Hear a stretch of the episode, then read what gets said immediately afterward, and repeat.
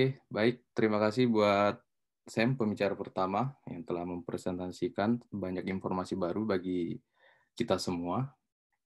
Um, sebelum saya memulai um, presentasi saya, karena tadi Sam sudah presentasi cukup panjang, bagi teman-teman yang lagi dengerin boleh ini berdiri sebentar atau peregangan tangan atau menggerakkan badan supaya agak segar sedikit. Ya, saya akan berusaha membuat presentasi saya lebih uh, ringkas supaya bisa gimana ya, biar bisa lebih enjoy. Oke, baiklah kalau begitu.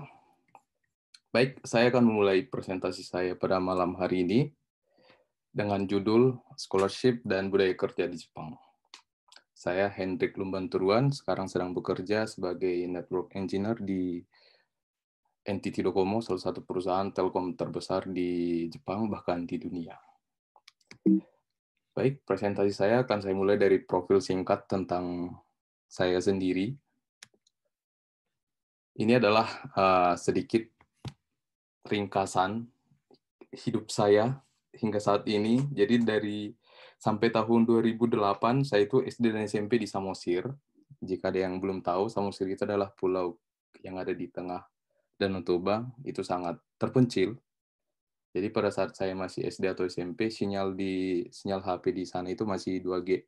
Dan itu pun nggak di seluruh tempat. Kadang-kadang kita harus ke pinggir ke sebelah jendela biar dapat sinyal, baru bisa nelpon atau dapat SMS gitu. Nah, kemudian tahun 2008 saya keterima di uh, eh, SMA-nya itu di Soposurung di Balige, keterimanya di sana. Dan pada saat SMA di sana itu, saya baru mengenal yang namanya internet, walaupun kecepatannya masih ya belum begitu cepat lah. Jadi um, kemajuan teknologi itu masih maju dikit gitu. Nah setelah lulus SMA, saya melamar beasiswa, namanya beasiswa membuka Gagusho, beasiswa kuliah ke Jepang, dan seperti yang sudah dilihat di grafik, kemajuan teknologinya itu dua atau tiga kali lipat yang dibanding dengan kehidupan saya waktu uh, masih sama sampai SMA gitu. Nah, saya S1 dan S2-nya di Jepang dan Maret tahun ini, Maret lalu lulus dan dari April langsung bekerja tanpa nganggur di perusahaan sekarang. Jadi sudah sekitar setengah tahun, tujuh bulan lah, udah tujuh bulan kerja di tempat yang sekarang. Itu profil singkat saya. Kemudian berikutnya langsung masuk ke topik kita. Topik yang pertama yaitu adalah scholarship, yaitu beasiswa. Berikut adalah jenis-jenis scholarship untuk kuliah ke Jepang. S1 dan S2 dan S3 saya bagi dua dua bagian. Untuk yang pertama S1 itu yang paling sering kita dengar itu adalah beasiswa membuka Gagusho dan beasiswa Mitsui.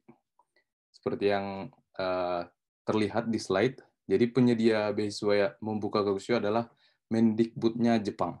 Jadi ini biaya ini dari pemerintah Jepang dan pelamarnya itu adalah lulusan SMA sederajat. Jadi bisa SMA, bisa SMK, eh, SMK mesin atau SMK perwisata dan dan lain-lain. Jadi pokoknya lulusan SMA dan sederajat itu bisa melamar dan kuotanya itu fluktuatif, berubah-ubah, tidak tetap. Jadi kadang 20 orang, kadang 30 orang, kadang 40 orang, kadang 4, 50 orang, kadang cuma lima orang, kadang cuma sepuluh orang. Gitu. Jadi berubah-berubah terus setiap tahun. Fasilitas yang kita dapat dari beasiswa ini adalah biaya kuliah kita ditanggung oleh pihak beasiswa dan setiap bulan kita dikirimi uang saku. Uang sakunya itu sekitar 120 ribu yen. Dengan kurs saat ini, bentar, saya hitung sebentar, sekitar hampir 17 juta per bulan kita dikirimin biaya hidup uang saku kira-kira seperti itu. Nah, untuk Mitsui penyedianya itu adalah perusahaan Mitsui. Itu adalah ya itu sejenis perusahaan grup jadi mereka adalah uh, perusahaan yang bangun apartemen atau sarana-sarana um, umum di Jepang. Nah, pelamar untuk beasiswa ini adalah sama seperti membuka Gagusho, SMA sederajat. Namun bedanya kuota untuk beasiswa Mitsui hanya dua orang saja, tidak berubah. Itu tetap hanya dua orang saja. dan fasilitasnya itu sama seperti membuka Gagusyo, biaya kuliah ditanggung, dan tiap bulan dikirimin uang saku. Kira-kira seperti itu. Nah, untuk S2 dan S3, pilihannya itu lebih variatif, lebih banyak. Membuka Gagusyo juga menyediakan uh, studi S2, S3 ke Jepang. Dan informasi penyedia, pelamar, kuota, dan fasilitas bisa dilihat di slide. Begitu juga dengan LPDP. LPDP adalah beasiswa yang disediakan oleh Kemenkeu Indonesia. Jadi biayanya adalah dari biaya pemerintah dari Indonesia. Begitu juga dengan Dikti. Dikti beasiswa yang disediakan oleh Kemenristek, Menteri Riset dan Teknologi Indonesia. Kira-kira seperti itu. Jadi untuk uh, informasi detailnya bisa dicek di Google dengan ngetik membuka Usho atau Mitsui atau LPDP atau Dikti bisa dicek masing-masing. Karena kalau dijabarkan di sekarang mungkin butuh waktu satu jam lebih gitu. Jadi mending dicek masing-masing saja. Atau nanti jika ada pertanyaan bisa uh, saya jelaskan dengan ya se sejauh yang bisa saya jelaskan dengan waktu yang terbatas ini. Kemudian tahapan apply scholarship. Jadi saya beri contoh membuka Gagusho satu saja, karena kalau semua saya jelaskan, waktunya tidak cukup. Nah, untuk melamar beasiswa ini dibagi dengan dua bagian. Yang pertama adalah ujian tulis, kemudian dilanjut dengan wawancara.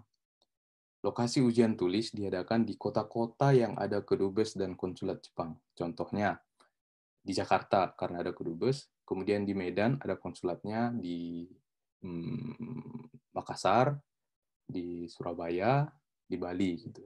Jadi ujian tulisnya diadakan hanya di kota-kota yang ada kedubes atau konsulat Jepangnya.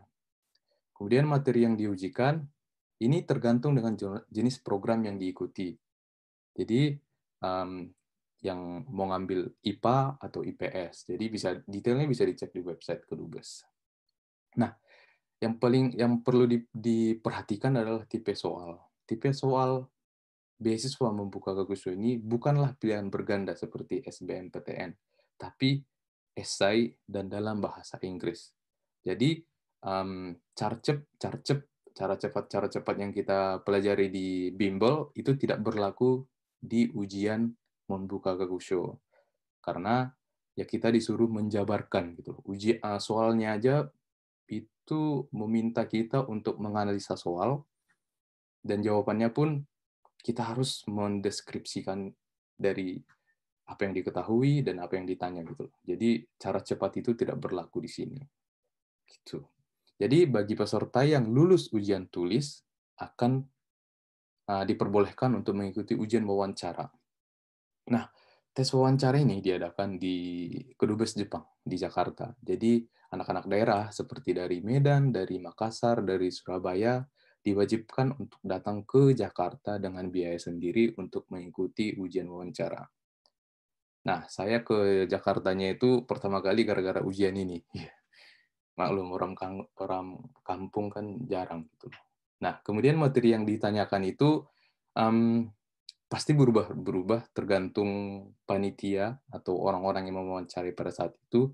Namun yang pasti ditanyakan adalah tujuan kuliah ke Jepang.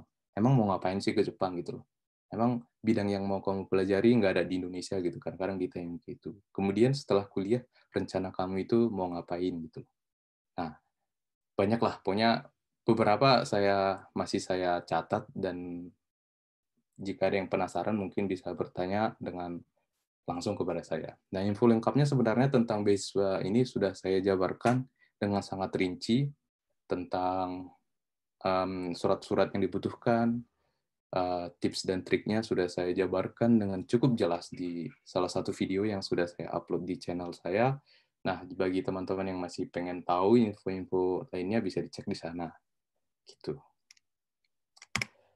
Nah, se se seperti yang sudah saya jelaskan tadi, saya satu dan S2-nya di Jepang, dan berikut adalah hal-hal um, positif dan negatif yang saya temui setelah beberapa tahun stay atau tinggal di Jepang.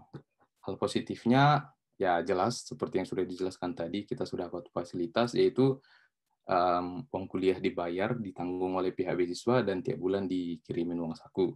Jadi dengan kata lain kuliah kita kuliah tanpa membebani orang tua gitu. Nah, jadi yang sudah saya jabarkan tadi, tiap bulan itu kita dikirimin hampir 17 juta rupiah per bulan. Gitu. Dan biaya hidup kita diambil dari sana. Jadi kalau kita bisa hemat, ya setelah lulus, surplus gitu loh. Jadi tabungan kita itu banyak gitu. Bahkan kadang-kadang lebih banyak dari uh, ya itulah uh, nanti dianggap sombong. Pokoknya lumayan lah gitu. Kemudian tadi juga uh, like Sam sudah menjelaskan di presentasinya kuliah di negara maju itu kita akan bertemu dengan banyak sekali orang dengan berbagai macam latar belakang. Tidak hanya orang lokal, tidak hanya orang daerah, tapi orang dari berbagai macam negara. Gitu. Jadi dengan berkomunikasi dengan mereka, kita wawasan kita menjadi terbuka gitu. Kemudian yang ketiga, dunia itu sudah ada di depan mata kita gitu. Perusahaan-perusahaan top dunia itu kalau di Jepang itu mereka bikin cabangnya itu ada juga di Jepang itu. Misalkan Google, um, Porsche, Samsung dan segala macam. Bahkan perusahaan Jepang pun sudah mendunia gitu. Toyota, Mitsubishi, perusahaan yang saya ke tempat kerja sekarang gitu. Jadi kita bisa melihat dunia dengan berada di Jepang gitu loh. Kemajuan dunia itu sampai mana kita bisa cek dari kemajuan yang ada di Jepang gitu. Jadi ya dunia itu ada di depan mata kita. Kemudian fasilitas kuliah dan riset yang top. Ini um, ini mungkin salah satu yang sangat berbeda ya kalau misalkan kuliah di Indonesia karena ya dari segi budget yang diberikan pemerintah ke setiap universitas itu sangat jauh berbeda dengan di Indonesia dengan yang di negara maju seperti di Jepang gitu loh. Jadi dari segi kenyamanan ruangan, Eh, kualifikasi dosennya, kemudian budget kita untuk riset itu sangat berbeda gitu. Saya nggak tahu situasi riset anak S1 sama S2 di Indonesia bagaimana, tapi kalau di Jepang, kita di Bekasi budget bisa conference, baik itu dalam negeri atau di luar Jepang, ya minimal sekali gitu loh. Jadi misalkan kita conference internasional, paper kita diterima di konferensi internasional, misalkan konferensinya diadakan di Eropa atau di, di Amrik, jadi untuk biaya pendaftaran konferensinya, biaya tiket pesawat, biaya hotel, dan segala macam itu pasti ditanggung oleh kampus. Yang notabene dana itu diterima dari budget riset yang dari pemerintah gitu. Punya semuanya lengkap gitu. Apa yang kita minta, misalkan kita mau riset tentang sesuatu, kita butuh komputer dengan kapasitas seperti ini, kalau kita minta pasti dikasih gitu. Jadi sebenarnya walaupun dengan biaya sendiri kuliah pun sebenarnya bisa balik modal gitu. Karena yang kita bayar ya itu juga yang kita pakai gitu loh. Itulah. Itulah yang positifnya. Sebenarnya masih banyak sebenarnya, tapi saya mencoba menarik hanya empat contoh dulu karena waktu terbatas. Nah, kemudian dalam hidup di dunia ini tidak semuanya positif, pasti ada negatifnya, termasuk di Jepang. Di sini saya mengambil empat contoh, ya bisa dibilang duka selama stay di Jepang. Yang pertama yaitu beda bahasa dan budaya. Bahasa udah jelas, orang Jepang cuma bisa bahasa Jepang.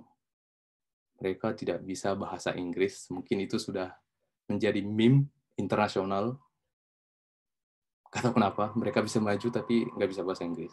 Nah, kemudian bagian budaya walaupun Jepang dan Indonesia itu sama-sama orang Asia, tapi budaya di Jepang itu terlalu kalau pakai kalau bahasa Bataknya itu pakai hu untuk dalam hal apa pun.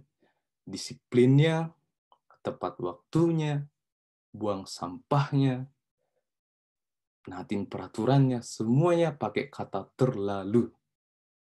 Pasti ada poin positifnya. Misalkan ya tingkat korupsi di Jepang itu sangat minim karena mereka fokus naatin peraturan terus asal melenceng dikit oh nggak bisa gitu. Pasti ada poin positifnya cuman ya pergerakan itu jadi dikekang gitu loh. Harusnya bisa lebih cepat ada jalan pintasnya dikit aja gitu tapi mereka nggak mau gitu. Harus sesuai protokol gitu. nah jadi saya walaupun introvert sering kumpul dengan mahasiswa Indonesia lainnya yang ada di Jepang.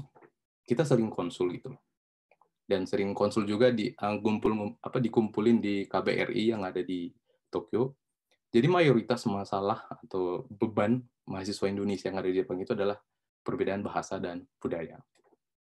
Untuk saya, yang kebetulan dari S1 kuliah di Jepang, kita kuliahnya itu full bahasa Jepang. Jadi kita dipaksa, diporsir untuk bisa bahasa Jepang. Jadi kita oke okay lah bahasa udah bisa lah. Tapi untuk yang dari S2 atau S3 itu pasti udah pada tahu kita itu fokusnya untuk riset. Kuliahnya itu sedikit itu. Walaupun ada itu pun banyakkan bahasa Inggris gitu. Jadi mereka itu mahasiswa S2 S3 itu gak bisa bahasa Jepang sama sekali gitu. Jadi mereka dalam menjalani hidup di Jepang itu ya kasihan sih jadinya ya cuman mau gimana lagi gitu itulah pokoknya kemudian negatif, uh, kedukaan yang kedua itu adalah jauh dari keluarga ini terdengar sepele apalagi di usia kita yang masih 20-an ketika sedang demam sedikit kita langsung pengen pulang karena dulunya di kalau kalau di kampung kan demam dikit dimasakin indomie di diantarin teh teh hangat gitu tapi kalau di sini, waduh, semuanya all by myself, kayak lagu itu gitu loh. Semuanya sendiri gitu loh. Nah, begitu juga dengan sebaliknya. Misalkan di kampung kita ada masalah nih, keluarga lagi ada yang meninggal atau gimana gitu. Kita nggak bisa tiba-tiba pergi gitu. Karena tiket mahal. Apalagi di saat COVID sekarang, nggak nggak nggak gampang gitu loh untuk pulang dan pergi. Itu. Kemudian kedukaan yang ketiga adalah dikelilingi oleh orang-orang jago sorry di bagian bawahnya saya tulis ampun Bang Jago biar agak rileks gitu. Pokoknya gimana ya? Tekanan itu nyata gitu loh. Misalkan kuliah nih, sebelah kanan, wih, udah misalkan kita lagi kelas programming gitu. Ih, udah ke mana-mana programmingnya. Sebelah kiri, udah ke mana-mana proyeknya, aduh. Jadi kita gimana ya? Kalau kita nggak serius atau cuma main-main, ya tertinggal gitu loh. Jadi ya pokoknya sekeliling kita orang-orang hebat semua. Jadi kita juga terpacu gitu loh. Nggak apa-apa sih, terpacunya nggak apa-apa. Cuman kadang-kadang jadi kecapean gitu, nggak bisa santai. Apalagi orang Jepang kan nggak bisa santai. Wih, jalannya pun, wih, kita satu lang apa kita dua apa, gimana kita satu langkah mereka dua, dua langkah gitu loh saking cepatnya gitu kemudian yang bagian nomor empat itu adalah salah satu yang setiap kita pasti merasakannya. Pokoknya setiap keluar dari Indonesia pasti merasakannya, yaitu double identitas. Identitas kita itu jadi double. Kalau saya ngomong sama orang Jepang, saya jadi orang Jepang jadinya. Ikutin mereka cara ngomongnya, ngangguk, ngangguk, ngangguk, ngangguk. Kan orang Jepang kan gitu kan. Hai, hai, hai. Gitu. Nah, kemudian ketika ngomong ke orang Indonesia, ya udah ngobrol kayak orang Indonesia eh kayak mana gitu eh, paling ngomong sama orang Batak ya apa apa le gitu kan gitu jadi double identitas dan itu sangat melelahkan tanpa disadari itu sangat melelahkan itu jadi tidak selamanya hidup di negara maju itu pokoknya di negara yang lebih hebat dari Indonesia itu mengenakan pasti ada negatifnya. Oke itu tentang scholarship. Oke kemudian kita lanjut ke topik yang kedua yaitu budaya kerja. Saya kerja sebagai network engineer di Docomo, itu nama perusahaannya. Nah, sepintas tentang kerjaan saya di Docomo ini, ini saya beri empat contoh. Yang pertama itu memaksimalkan budget yang ada. Budget itu adalah, pokoknya pada tahu lah budget tiap, tiap perusahaan itu pasti bikin budget tahun, tahunan, yang yang bisa dipakai dalam satu tahun itu gitu. Docomo juga seperti itu. Nah, jadi kita punya budget yang bisa kita pakai dalam satu tahun, itu harus dihitung.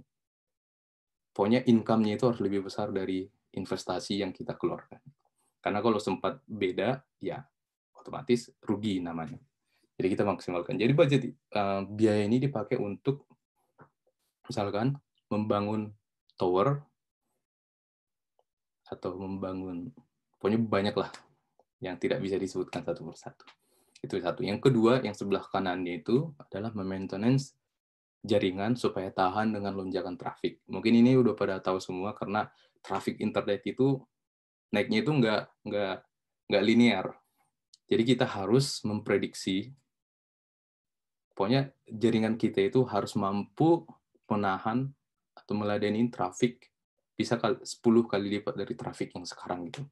Nah, untuk saat ini kami sedang disibukkan untuk meladeni um, loka, lokasi Olimpiade tahun depan. Karena pasti banyak orang asing yang datang, kita harus menyiapkan pokoknya daerah-daerah spot-spot untuk Olimpiade itu bisa setidaknya 10 kali lipat dari yang sekarang itu. Jadi pada saat udah rame, tetap bisa kepake, nggak lemot gitu loh. Kalau di Indonesia kan belum kepikiran, kayaknya belum uh, Telkomsel atau apa gitu, belum kepikiran untuk sampai sini. Karena hanya perusahaan yang sudah survive bisa memikirin sampai sini. Kalau di Indonesia kan yang penting nyambung dulu kan yang saya tahu. Kemudian yang ketiga yaitu menyusun strategi ekspansi jaringan 5G. Di Jepang itu sudah kita sudah memulai jaringan 5G yang sebenarnya kita banyak orang awam nggak tahu 5G itu untuk apa. Bahkan saya pun nggak tahu jaringan cepat itu untuk apa. Karena 5G-nya Docomo itu bisa sampai 2 giga BPS per detik pakai mobile. Jadi untuk kita orang awam itu bingung gitu loh, 2 giga BPS ini untuk apa gitu. Pokoknya kita nyusun ekspansi. Jadi jaringan itu kita bikin 5G itu di daerah mana dulu gitu. Nggak, nggak, nggak ngasal gitu. Jadi hanya daerah-daerah tertentu dulu. Jadi kita harus nyusun strategi yang mantap supaya customer juga uh, puas gitu dengan jaringan kita. Nah, kemudian yang terakhir, kita harus bisa memaintenance tiga generasi jaringan sekaligus. Jadi di Jepang itu 3G sama 4G yang masih dipakai, walaupun 3G sudah semakin menurun jumlah konsumernya, tapi tetap ada yang pakai. Nah, dengan masuknya 5G,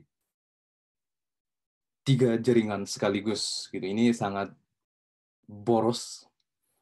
Aku yakin negara-negara berkembang nggak mau melakukan ini, karena setiap jaringan punya mesin tertentu, komputer tertentu masing-masing, jadi udah habis tenaga, habis uang, pokoknya habis lah semua. Jadi harus tetap bisa karena di Jepang itu hak konsumer itu dijaga oleh hukum undang-undang di Jepang.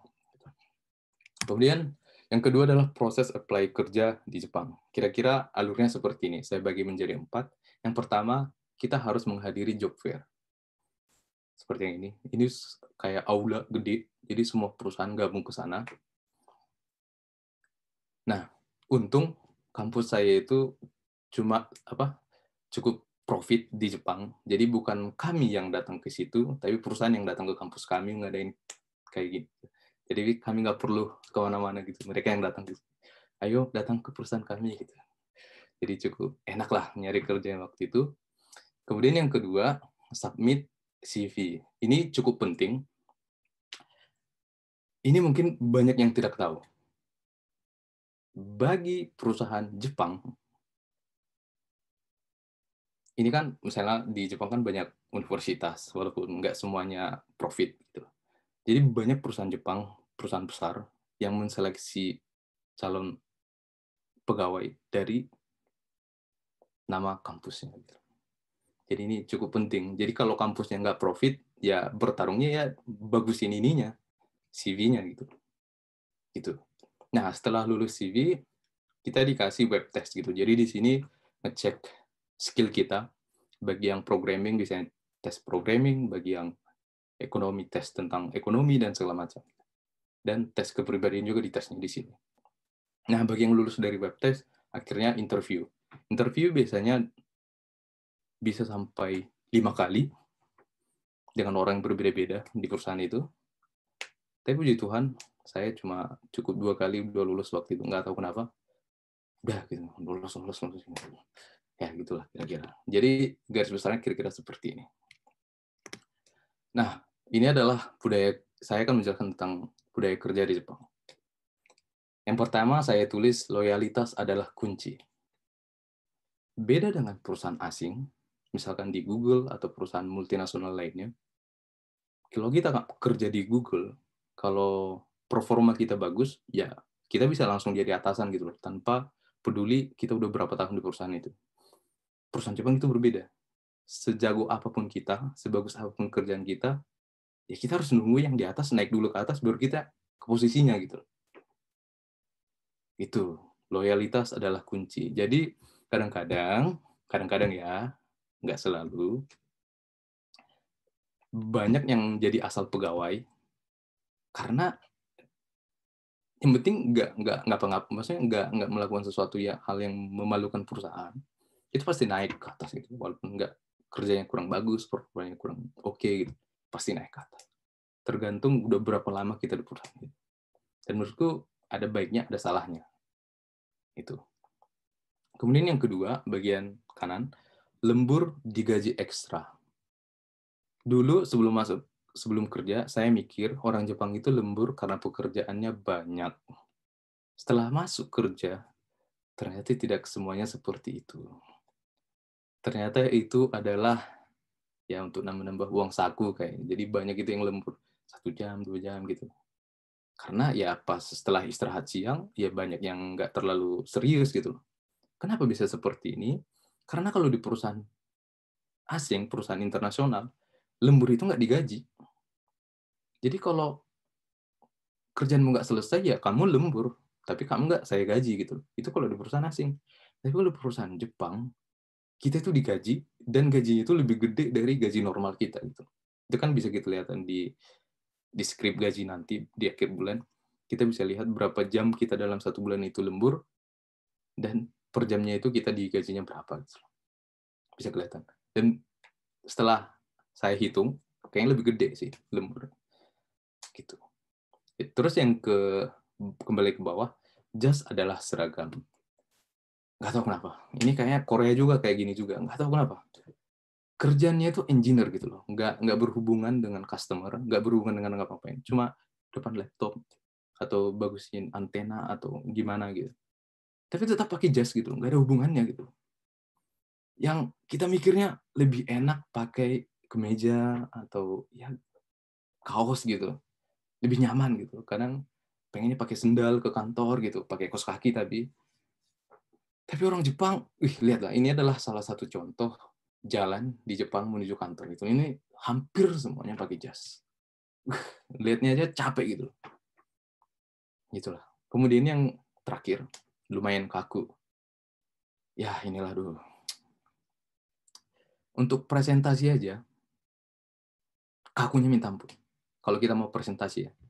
Oke, saya akan mempresentasikan presentasi saya. Ini adalah slide pertama, kemudian slide kedua. Ya santai gitu. Yang penting yang kita presentasikan nyampe. Tapi kalau untuk Jepang, ketika kita memulai presentasi, kalau saya ter terjemahin ke bahasa Indonesia, ya, bahasa Jepangnya, izinkan saya memulai presentasi saya. Nama saya adalah ini. Izinkan saya memulai dari halaman pertama izinkan, izinkan, izinkan. Kenapa harus diizinkan? Terlalu kaku gitu. Ya udah silahkan gitu. Capek gue bilang izinkan tiap kali, tiap kali, tiap kali. Tapi saking seringnya dengar kata itu, saya pun jadi terkontaminasi gitu. Jadi kayak gitu juga kalau presentasi dalam bahasa Jepang. Ah gitu, double identitas ini. Kira-kira gitu. Itulah presentasi saya. Jika ada pertanyaan silahkan ditanyakan.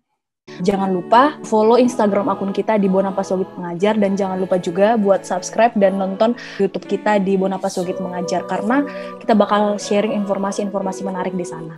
So, sekian dari kami. Terima kasih.